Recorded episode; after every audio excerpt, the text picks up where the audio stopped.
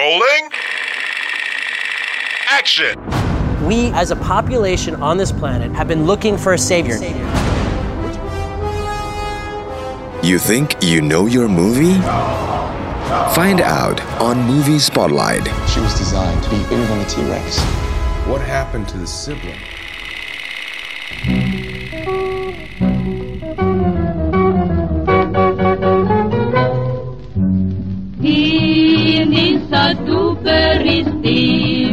Saya Rama Suprapto, Artistic Director for Art and Entertainment. Saya akan menemani Anda di Movie Spotlight edisi film musikal dalam negeri. Di Movie Spotlight kali ini, saya akan merekomendasikan tiga film bergenre musikal yang menurut saya sangat layak untuk ditonton kembali. Film pertama yang akan saya bahas adalah film Tiga Darah, karya Usmar Ismail, one of my favorite director. Ceritanya tentang tiga gadis remaja tinggal dengan seorang ayah. Menarik sekali nih karena buat saya di zaman itu, di tahun itu musikalnya Usmar Ismail benar-benar menyentuh.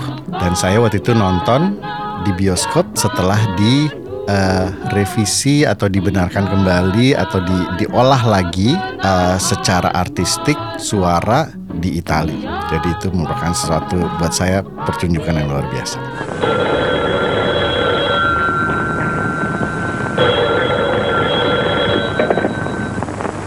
Halo, siapa? Oh, kau.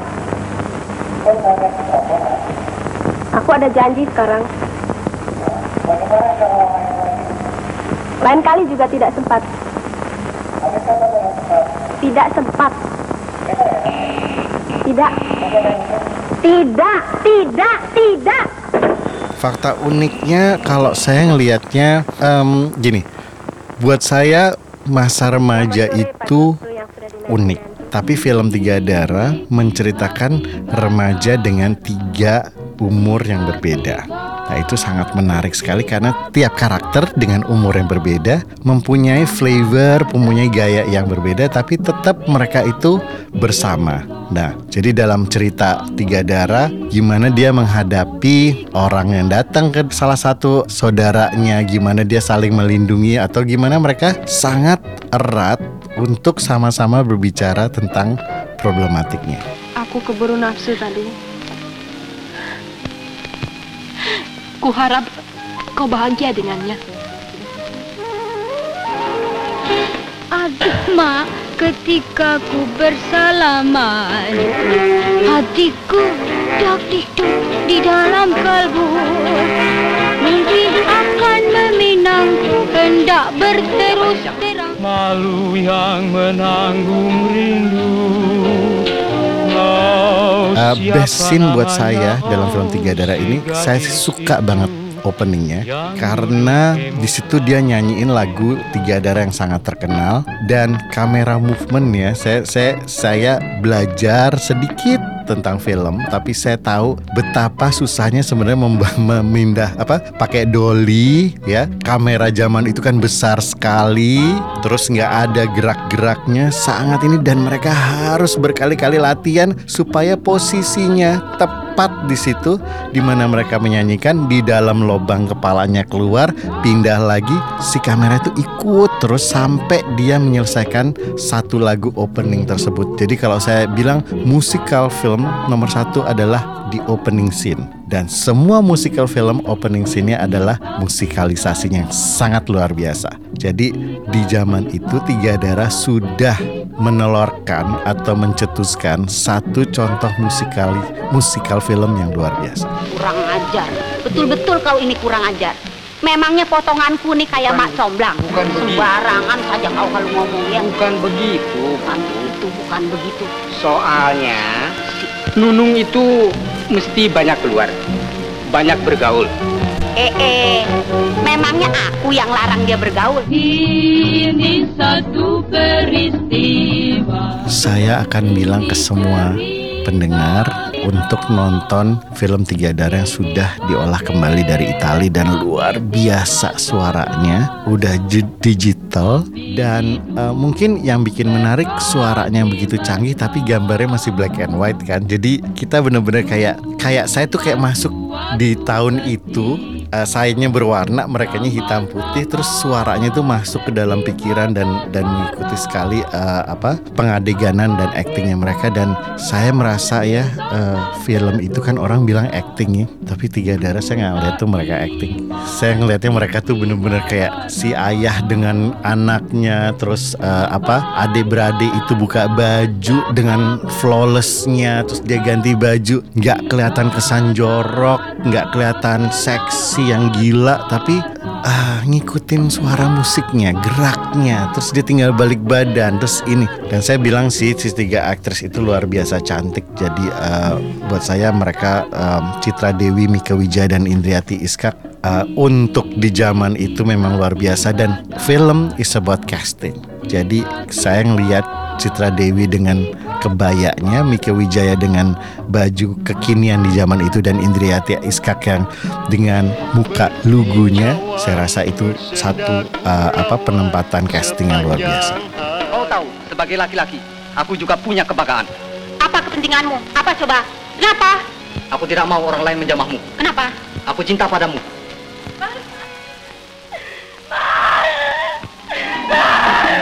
Ini kisah tiga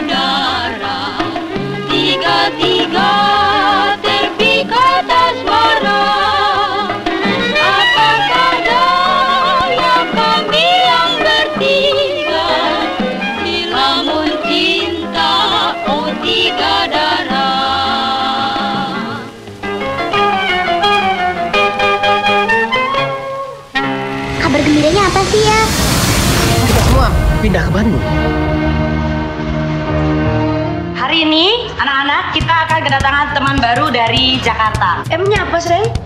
Monyet! Mama Cun! Sini kalau berani! Dia pikir. Nah, saya akan membahas film selanjutnya, yaitu film berjudul Petualangan Sherina oleh Riri Riza dan dirilis tahun 2000. Sinopsisnya, dia itu menceritakan tentang anak kecil, ya waktu itu Sherina dengan uh, partnernya Derby Romero. Saya kenal dia sekarang, tapi saya selalu lihat orang yang lupa namanya.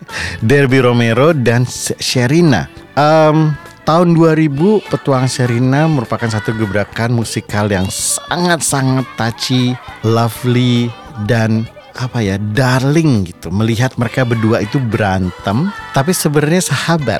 Em, ada tagline daripada Sherina itu, walaupun dia eh, apa musuh, perlukah dia ditolong. Nah itu kan menarik sekali ya untuk anak-anak sekarang bahwa tahu eh, apa satu permusuhan itu sebenarnya awal dari satu cinta.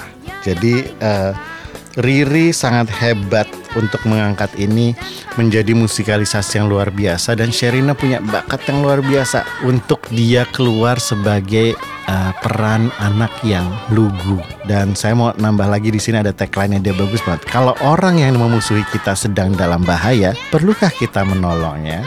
Petualangan Sherina. Wow.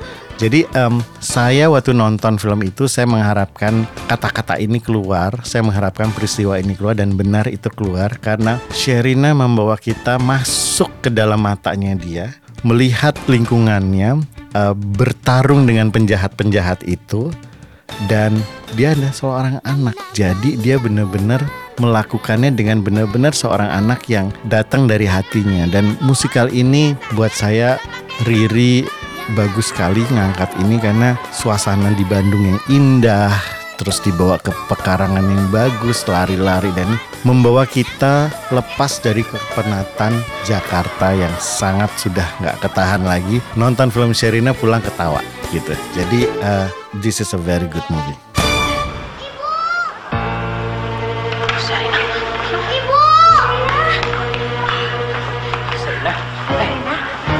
Ser. Gak apa-apa kamu. Gak apa-apa. Sadam mana, Ser? Sadam. Adam.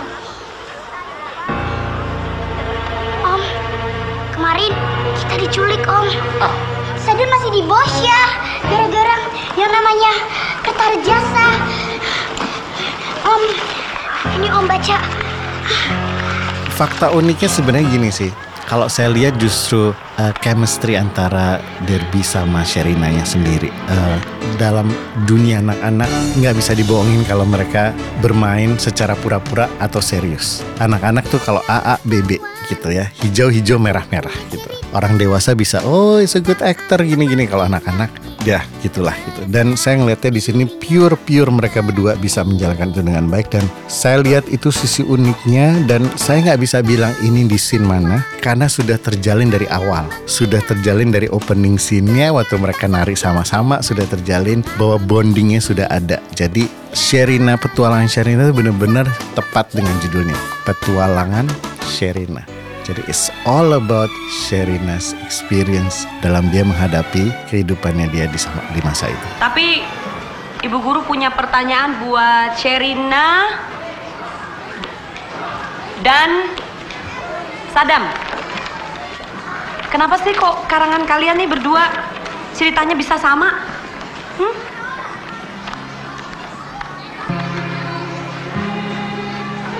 Kami liburan sama-sama, Bu. Ini sesuatu yang baru sih buat di zamannya buat saya uh, petualangan Sherina. Abis itu orang udah bikin banyak film anak-anak juga yang seperti ini, maksudnya musikal dan segala macam. Film anak-anak musikal itu nggak gampang. Jadi uh, saya terus terang aja Sherina ini uh, buat saya perfect dalam hal banyak angle-nya pendidikannya, musiknya, Sherinanya sendiri, chemistry-nya dan segala macam. Karena kalau enggak, buat saya um, kesan anak-anak tuh tak paling anak-anak sana pinter ya jadi dia nggak mau digurui. Jadi gimana kita bikin cerita tidak menggurui si anak yang nonton tapi dibawa ke pengalaman itu. dan di sini Sherina benar-benar bisa ngebawain itu. Dan Sherina seorang anak yang lugu ya sampai sekarang juga masih gayanya sama. Saya kalau lihat dia nyanyi kayak ini kok Sherina nggak berubah ya? Maksudnya badannya aja gede gitu. Tapi apa gaya badan apa gaya bentuk tubuhnya kalau udah dia di piano sama dia batu berdiri loncat-loncat lari-lari baju sekolah itu sama. Jadi cuman waktu berlalu um, ini menarik sih bahwa kebetulan Sherina itu namanya Sherina. Jadi kayak kita dicap film ini tentang dia gitu. Namanya Sherina. Udah nggak bikin nama lain pemainnya nama Sherina. Jadi uh, unik dan saya ngerasa film ini nempel di semuanya dan saya pilih film ini untuk uh, pengalaman yang saya bisa bisa ikut ngomong gitu. Karena kalau tiga darah saya belum lahir gitu. Tapi Sherina saya nonton dan saya salah seorang favorit uh, terberatnya Riri dan saya tahu Riri dan saya tahu Riri itu kalau ke dunia anak-anak udah udah di situ. Yang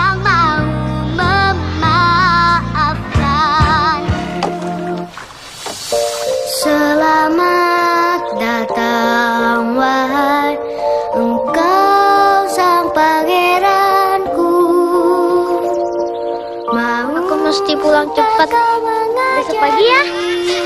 Besok siang. menari bersama. Nah, sekarang baru mimpi pangeran. Katanya di Jakarta panas banget loh.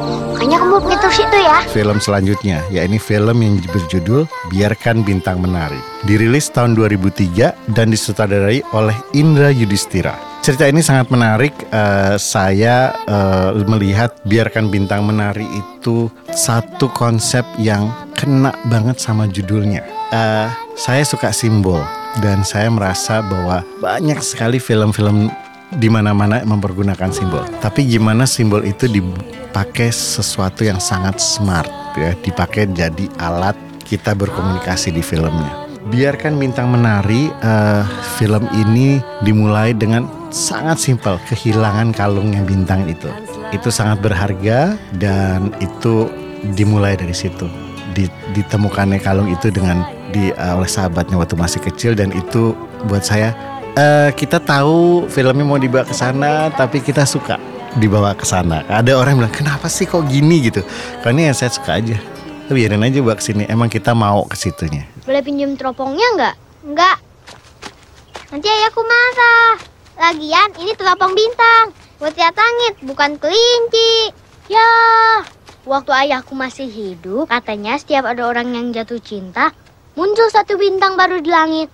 Makanya jumlah bintang di langit sama dengan jumlah cinta di bumi. Makin besar cintanya, makin terang cahaya bintangnya.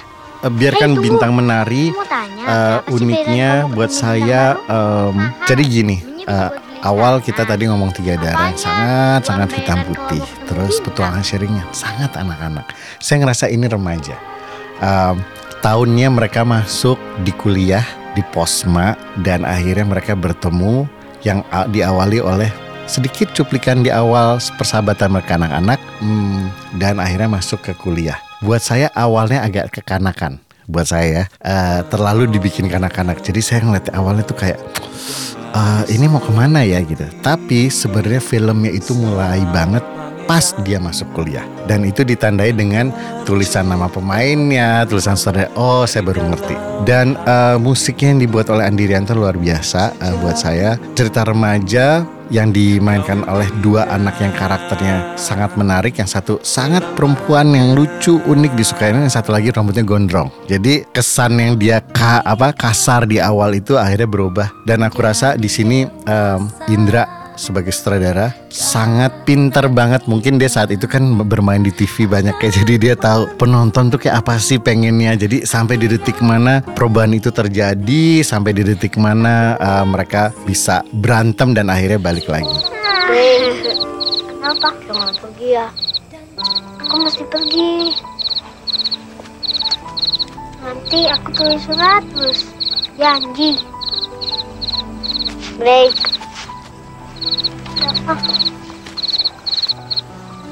Janji dulu. Ikutin aku. Saya janji. Saya janji. Akan kembali ke sini. Akan kembali ke sini. Dan akan memberikan tiga istana dari pembayaran bintang baru. Tadi katanya dua. Nanti anak kelinci Bimbina tinggal di mana? saya tuh melihat film musikal tuh jarang jadi mungkin uh, namanya juga menarik ya biarkan bintang menari jadi orang langsung oh ini musikalnya ada nari. Ada dan ada banyak adegan uh, Aryo nari tap terus uh, walaupun bukan tap beneran ya tapi uh, kesan urbannya dapat dan dia nggak dibuat-buat kayak harus nari yang seru dan saya ngerasa ini sebenarnya sih ceritanya agak klise ya ceritanya kera- kerasa banget bahwa ada satu cowok cakep di sekolah di kuliahan itu yang belagu banyak temennya geng-gengan mau dapetin si cewek yang innocent ini tapi cewek innocent ini suka yang eh, Aryo yang benar-benar eh, orangnya nggak kelihatan nggak pernah tampil. Jadi itu udah banyak cerita gitu. Cuman mungkin di sini karena musiknya Andi Rianto yang menarik dan apa sangat kena dengan dialognya. Perpindahan antara pemain utama wanita si Ladia ini dengan si Aryo itu bisa di apa ya dimulai perlahan-lahan. Jadi dia nggak main buru-buru. Untuk cepet temenan untuk ini nggak. Jadi agak ditarik ulur dan eh, dan semua punya cerita ayahnya Aryo punya cerita eh, Ladia punya sahabat punya cerita yang ini. Jadi em, sebenarnya ini menarik di mana cerita-cerita yang kecil-kecil tadi di sekitarnya menyatu di akhir untuk mempertemukan mereka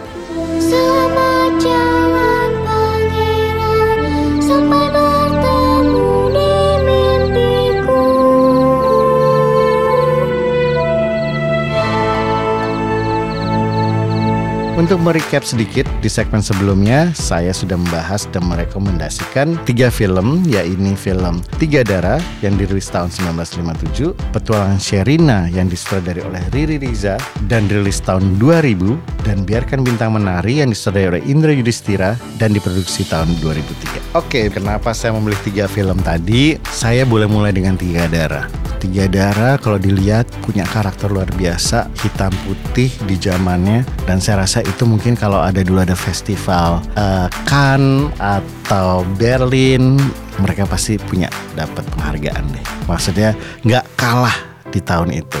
Dan itu buat saya musikalisasinya sangat luar biasa. Usmar Ismail ya luar biasa. Pindah ke petualangan Sherina. Sherina seorang anak mungkin em, dia itu kita bilangnya apa ya? Anak yang sangat berbakat. Tepat banget namanya petualang Sherina. Saya sampai detik ini cinta banget film itu dan kalau nonton di pesawat saya akan nonton film itu. Kalau lagi kosong gitu ah pusing nonton ini aja nggak nggak ini. Karena saya ngerasa mungkin kalau kita punya favorit film Sound of Music saya favoritnya petualang Sherina untuk Indonesia. Jadi eh, melihat kembali betapa talentednya Sherina dan dia bermain luar biasa di umurnya yang masih sangat muda. Dan Riri Riza membuat film itu menjadi satu film yang buat saya ikonik untuk zamannya. Dan ini musikalisasinya juga luar biasa. Yang ketiga, biarkan bintang menari satu nama yang sangat unik dalam judul dan dimainkan oleh karakter yang sangat darling. Jadi Aryo punya karakter yang luar biasa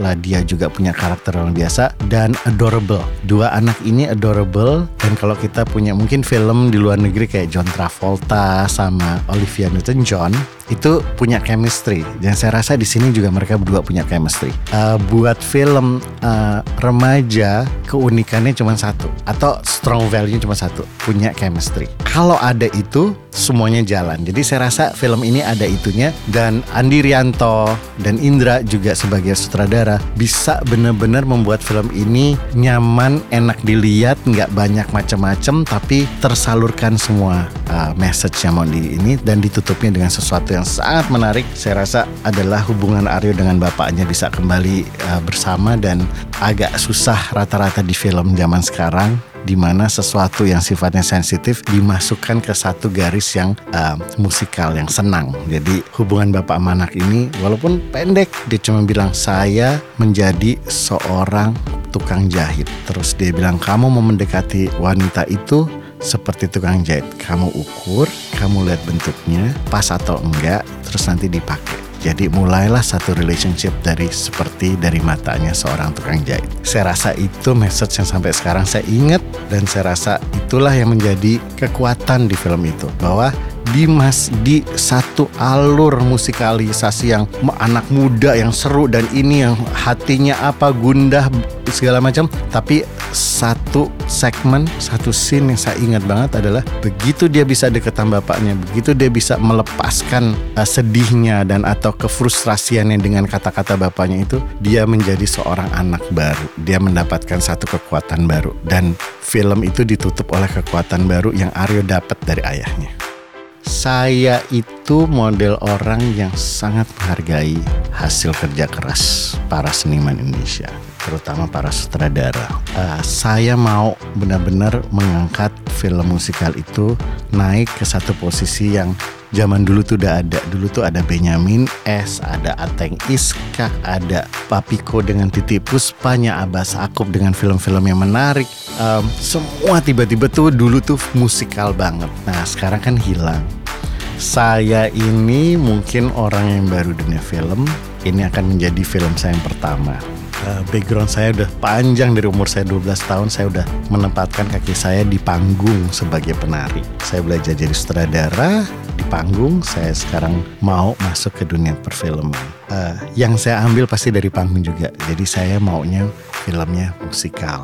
Kenapa musikal? Karena saya merasa mata saya itu kamera. Saya merasa nanti penari saya adalah kamera saya dan saya merasa pemain saya adalah kamera saya. Jadi saya bilang produser saya, saya mau kameranya banyak ya gitu karena saya mau latihan tiga bulan sebelum syuting untuk mendapatkan semua gerakannya dan saya mau saya akan membuat uh, desain sesuai dengan kekuatan dari organ-organ tubuh yang saya akan tonjolkan karena saya suka dengan simbol. Saya cuma mentranslate sedikit, saya twist sedikit, saya naikin, saya kasih lampu, saya kasih musik, saya masukkan kamera ke dalam situ. Jadi sebenarnya ini challenging dan saya sebenarnya sedek-dekan nih ngomong kayak gini karena uh, tiba-tiba di mata saya ada visual uh, dan saya ingin ini menjadi film yang berguna buat orang-orang banyak yang menjadi pelipur lara uh, untuk orang-orang bisa lihat film yang kayak Sound of Music gitu. Kayak kayak mungkin petualangan Sherina lagi atau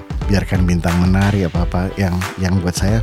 Film itu adalah media yang sangat menarik karena orang akan menangis tertawa dan kembali menangis dan kembali tertawa. Dan waktu pulang Chan bilang ini gue pengen nonton lagi.